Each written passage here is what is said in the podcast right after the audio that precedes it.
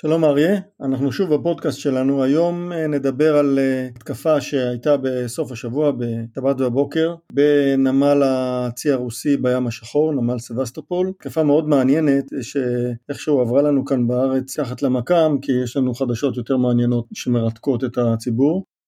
ובכן, בתקיפה הזאת השתתפו שבעה כלי שיט לא מאוישים ועוד כמה כלי טיס לא מאוישים, תקפה משולבת מאוד מורכבת האוקראינים לא לקחו על התקיפה הזאת אחריות, אבל כן פרסמו סרטונים שהתקבלו מהסירות הלא מאוישות. הרוסים מפנים אצבע מאשימה לאוקראינה כמובן, מדברים על אה, יחידת פעילות המיוחדת ה-73 של אה, אוקראינה, יחידה מיוחדת שקיבלה סיוע לדברי הרוסים ממומחים בריטים. מה שעשו שם מאוד מאוד מרשים ומעניין. הסיפור החל כבר בחודש ספטמבר, כשסירה לא מאוישת, מעין קייק לא מאויש, נמצא על החוף קרוב לנמל הרוסי הזה. בסבסטופול. הכלי הזה כנראה היה מצויד בראש קרבי, הוא לא היה חמוש במקלעים או תותחים או רקטות, אלא כנראה הכיל ראש קרבי, אבל מה שהיה מעניין שם שהוא הכיל אנטנה לוויינית, סטארלינק, השירות הלווייני החדש של אילון מאסק, שמאפשר העברה של אינטרנט מאוד מאוד מהיר אה, מכל מקום בעולם, והסירה הזאת הייתה מצוידת במשדר הזה, ובמצלמות יום ולילה,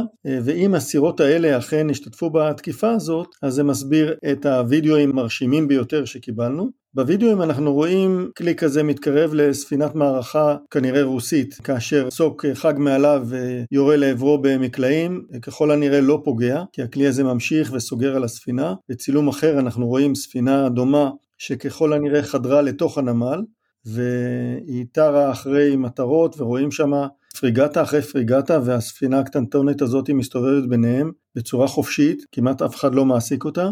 דבר אותי לפחות מאוד מרשים, היכולת הזאת של שליטה מרחוק בכלים לא מאוישים, שאתה יכול לנהל באמצעות אה, נחיל כזה של אה, כלים כאלה, תקיפה מורכבת, חלק מהכלים כוונו להשמיד את המחסום, את הרשת החוסמת את המבוא לנמל, והרוסים אכן הודו שהרשת הזאת אה, נפגעה. אחרים תקעו פריגטות, שלמרות שניסו להגן על עצמם לא ברור אם הצליחו או לא. הרוסים מודים לפחות ששולט מוקשים אחת נפגעה, וכנראה הפגיעות הרבה יותר אה, רציניות. הדבר הזה מעיד על הפגיעות של הכוחות הגדולים של רוסיה, ולדעתי גם של צבאות אחרים בעולם, ללחימה אסימטרית חכמה ממזרית ומדויקת שמנצלת מספר רב של כלים לא מאוישים כדי ליצור עליונות בתקיפה ממוקדת שקשה מאוד להתנגד לה. כן, בכלל המלחמה הזאת באוקראינה מעלה מחדש כמה שאלות. המל"טים האיראנים שסופקו לרוסיה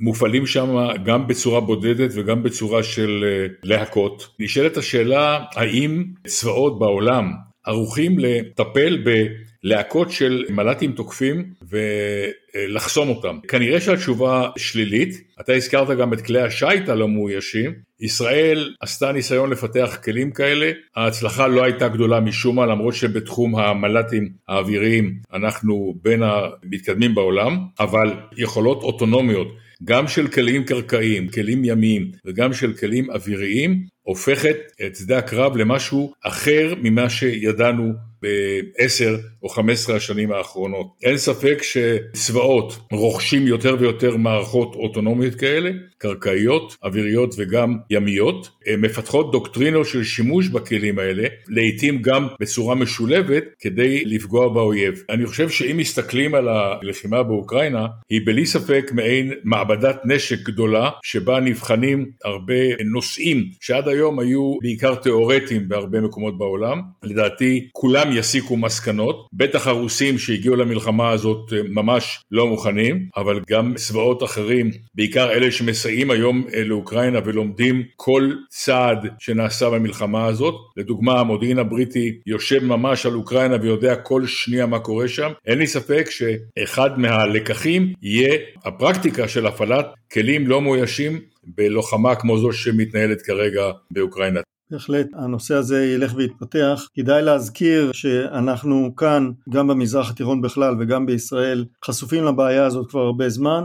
הסעודים חטפו מכלים כאלה כלי שיט מתאבדים. פריגת הסעודית נפגעה בים האדום. צה"ל גם uh, היה חשוף לתקיפות כאלה. הייתה תקיפה לפני כמה שנים כנגד uh, דבור uh, מול עזה, uh, תקיפה שנפגעו בה כמה חיילים. אבל זאת הייתה תקיפה ככל הנראה מאוישת. היכולת של אה, גורמים טרוריסטים או מדינתיים לצייד כלי שיט נשלט מרחוק או אוטונומי בראש קרבי ולתקוף איתו היא יכולת מאוד מעניינת ומאוד מסוכנת. אני מניח שחיל הים מודע וערני לנושא הזה ויכין את כל מה שצריך כדי להתמודד מול האיום. הדוגמה האוקראינית נתנה לנו טעימה מהעתיד לבוא בתחום הזה. עד כאן לגבי התקיפה האוקראינית כנראה בנמל סבסטופול בחצי האי קרים. נמשיך ונעסוק בנושאים האלה ככל שהדברים אה, יתבהרו. תודה אריה ולהתראות.